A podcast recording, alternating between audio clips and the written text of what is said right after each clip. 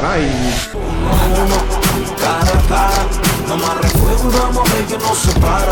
Hace unos días salió un anuncio eh, diciendo que iba a hacer un cara a cara de nuevo. Eh, Cara a cara, frente a frente otra vez. Bienvenidos a un nuevo programa de Cara a Cara. Hoy nos acompaña una persona que igual ya habéis oído o leído más bien algo en nuestras páginas digitales. Eh, se encuentra con nosotros Pedro Alonso. Hola Pedro, ¿qué tal estás? Hola, buenos días. Bueno, Pedro lleva ya unos años dando respuesta a qué es lo que hay en el fondo de las costas gallegas. Y es que Pedro se dedica al buceo y llena unas plataformas digitales de vídeos y fotos de, como digo, los fondos gallegos. Eh, cuéntanos un poco cómo empezaste a bucear, cómo, cómo te metiste, te introduciste en ese mundo y cuánto tiempo llevas. Y también, eh, ¿en qué momento decidiste empezar a hacer fotos y vídeo? ¿Qué fue la motivación que te llevó a ello? Empezar a bucear, la verdad, no, no, soy, no soy consciente de estar fuera del agua nunca. Ya la familia, desde pequeño, todos me recuerdan dentro del agua, y casi siempre debajo. Ahora es una actividad que retomé en los últimos años, tanto por, por tener más tiempo libre y por que la ría se regenera un poquito, está mejor que antes. Pero se regeneró a nivel animales, fauna, ecosistemas en general. A nivel de, de todo. De Cada vez hay todo. más fauna. Eh, el, el cambio climático también está afectando. Vienen especies nuevas. Y afecta de más- manera positiva el cambio climático. No, cambia. Cambia. Es distinto. Y bueno, mm, como decíamos, eh, estos vídeos tú los subes a la plataforma de YouTube. Eh, ¿Cómo podemos encontrar tu canal? Eso es fácil. Se busca Pedro Alonso Buceo en internet y aparecen. Y ya aparecen todos los vídeos Los vídeos son todos de las Rías Baixas. de las Rías. Ujú. Sí, hemos visto que ya tienes por distintos por distintas islas, por las CIE, Sons, Álvora y también en distintas partes de la ría de Pontevedra o la ría de Vigo. Y esos vídeos, pues además de estar llenos de mm, pues muchísimos animales y demás, tienen unos colores increíbles. ¿Hace falta tener un equipo muy profesional o ir con una cámara que te cueste muchísimo, con unos focos enormes? ¿O es más bien tener buen ojo, saber mimetizarse en el ambiente? Vamos a ver, para fotografía y vídeo es igual que en el medio terrestre. Se basan en aprender y hacer miles de horas de trabajo y miles de horas de fotografía. Y ser un poco sincero con cada uno. Si algo que estás grabando o fotografiando no te gusta, pues no vuelvas a hacerlo. Estaría no bien. puedes estar machacando a la gente con, con vídeos hechos con fotografías eh, movidas o desenfocadas o, o- o en, en color. Sí, no, el color a los vídeos se ve que no le falta.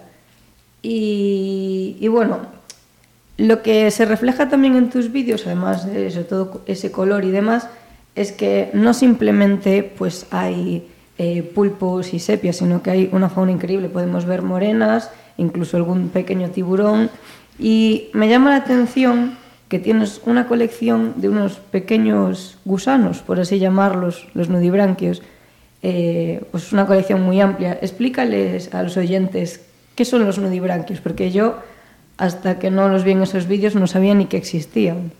Bueno, los nudibranquios no dejan de ser un molusco emparentado con los mejillones, sin concha, y se parecen concretamente emparentados con las babosas y los caracoles. En este caso es una babosa de mar. Se caracterizan por sus colores vivos. Sí, que Las especies. hay una... Los tamaños son muy variados, desde los eh, 5 milímetros hasta los 5, 6, 7 centímetros. Incluso las aplisias, que son una especie de babosa también emparentada con ellos, que puede tener 20, 30, 40 centímetros. En cuanto a gusanos, la gente desconoce lo que hay en las rías. Es que ahí quería ir yo también, que mucha gente, eh, sea gallega, de donde sea, de España en general, desconoce lo que hay en las propias costas y deciden irse a otros lugares, al Caribe, a un arrecife de coral, a ver otros animales, sin conocer lo que hay aquí. O sea, ¿qué opinas de esa gente que necesita pagarse un viaje, cruzar el charco y desconoce lo que hay aquí, cuando las, las costas gallegas son realmente ricas a nivel flora y fauna? El turismo funciona por el mercado. La gente va a donde los llaman y, donde le enseñan. El turismo submarino en Galicia está, es un gran desconocido. La gente que viene por aquí suele repetir, es un, un turismo de calidad y se mantiene durante todo el año. No se conoce más, pero porque las empresas especializadas no, no lo fomentan. Mm, Pues es una verdadera pena porque teniendo lo que hay aquí, que la gente necesite eso, irse afuera, pues los animamos a bucear más en Galicia y cuando ya conozcan y quieran aventurarse, pues ya que crucen el charco. Y bueno, mm, vamos a centrarnos mm, en el deporte y aunque hoy el día no acompaña con la lluvia y demás, en nada ya va a ser verano y mucha gente se va a querer animar a probar actividades acuáticas, como entre ellas el buceo. Eh, ¿Hace falta tener o cumplir algún requisito o cumplir con alguna capacidad especial para adentrarse en este deporte? A nivel físico, no, es como cualquier otro deporte. Una revisión médica mínima, no tener ninguna enfermedad o incapacidad que te, que te priva esa actividad. En cuanto a, a formación, todo el mundo tiene que estar titulado. Hay que hacer un curso de buceo básico para empezar y poquito a poco ir aprendiendo. El buceo básico inicialmente es hasta 18 metros de profundidad. Caray, 18 para iniciarse aún es bastante. Y bueno, ¿cómo se, esos títulos cómo se obtendrían? En las escuelas de buceo. En las escuelas. Tanto de, de la Federación Española de Buceo, la Federación Gallega o certificadoras internacionales. Es un título que te vale, están reconocidos en todo el mundo y no caducan.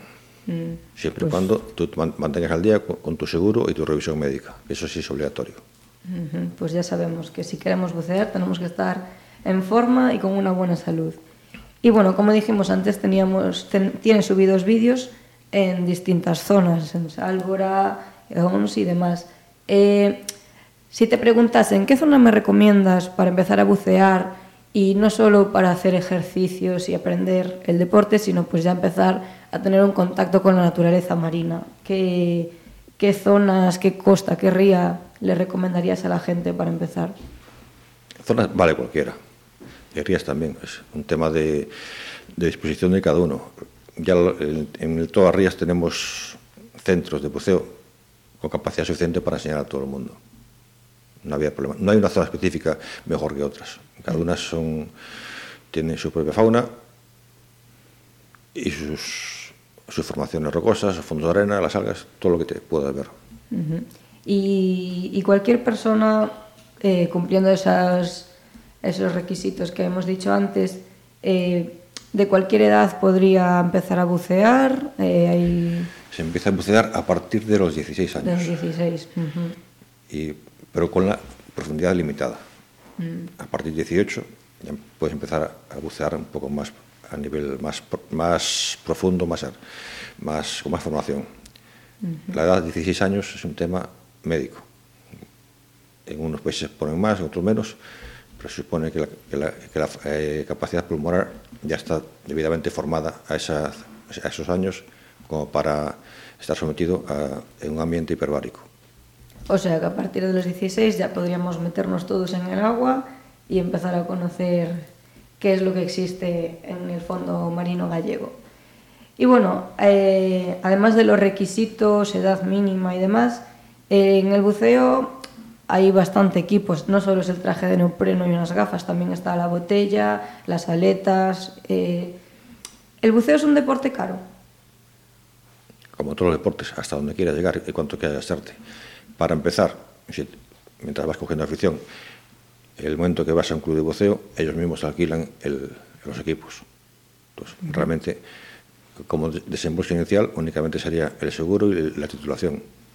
Luego, según vas buceando, vas pagando ca- cada vez que buceas. Claro, y luego ya si una vez que tienes pues una experiencia ya tú te quieres ir, es cuando tendrías que invertir en tu propio equipo, tu traje, tu botella y demás, y ya echarte al agua. ¿Y se debe bucear siempre acompañado?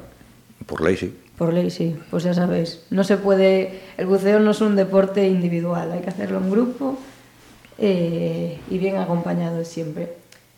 Y bueno, vamos a irnos ahora un poquito a un tema más ecológico. Últimamente eh, están pues eh, dándose a conocer las situaciones de los fondos marinos respecto a la basura y el plástico, que está llegando a ser una situación bastante alarmante a nivel europeo, y es que se están convirtiendo en un vertedero.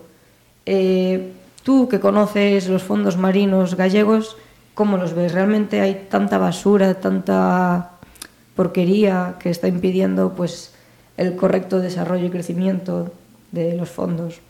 Sí, hasta ahora el mar, hasta ahora y en la actualidad, se sigue usando como vertedero, de todos los sentidos, tanto a nivel industrial como a nivel eh, urbano.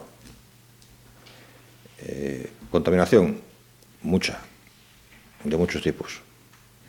Eh, límites, nadie lo dice. Tenemos contaminación por, por metales, hay contaminación por residuos fecales, hay contaminación por antibióticos, hay contaminación incluso eh, hay, hay, hay contaminación incluso por exceso de limpieza. Por exceso de limpieza. Sí, muy sencillo. Aquí todos hace años en las playas siempre veíamos la típica pulga de arena, mm. que tiene mala fama, sí, sí. pulga. Pero que solamente está emparentado con los camarones. Si decimos las cigalas de arena, habría peleas por comerlas. Ahora ya no existen. No, es la verdad es que últimamente han desaparecido muchísimo. Se está limpiando las playas de algas, que es lo que comían estas pulgas. Y hemos, estamos gastando recursos en sacar algas para limpiar las playas con maquinaria y nos hemos cargado un animal que se dedica precisamente a limpiar las playas y que sirve de alimento a otros animales de, de Final, a La, solución es peor, es peor el remedio que la enfermedad. Incluso hay contaminación también por, por especies foráneas, tanto occidentales como, como implantadas. ¿Y cómo llegan a esas especies extranjeras?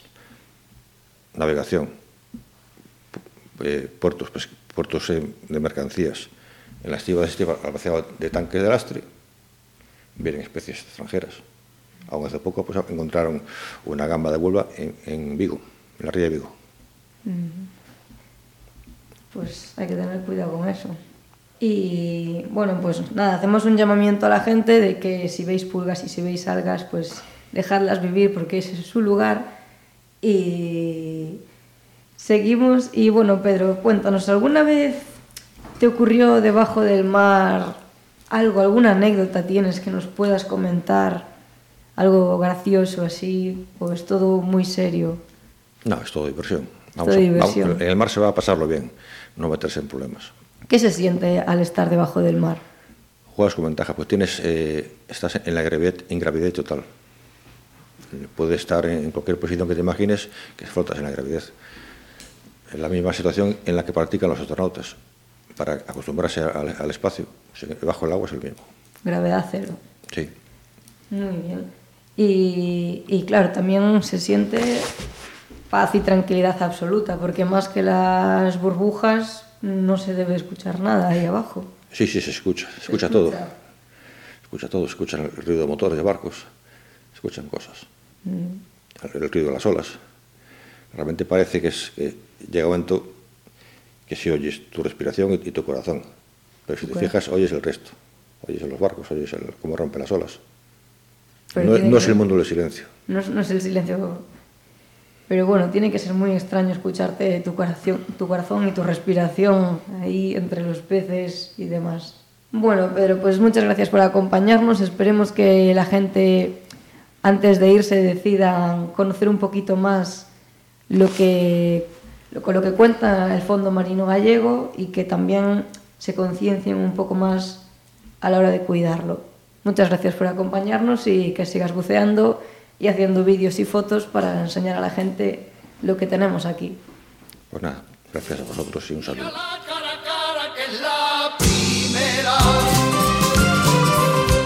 Cara a cara, nos volvemos a ver. Cara a cara. Pontevedra Viva Radio. Oh.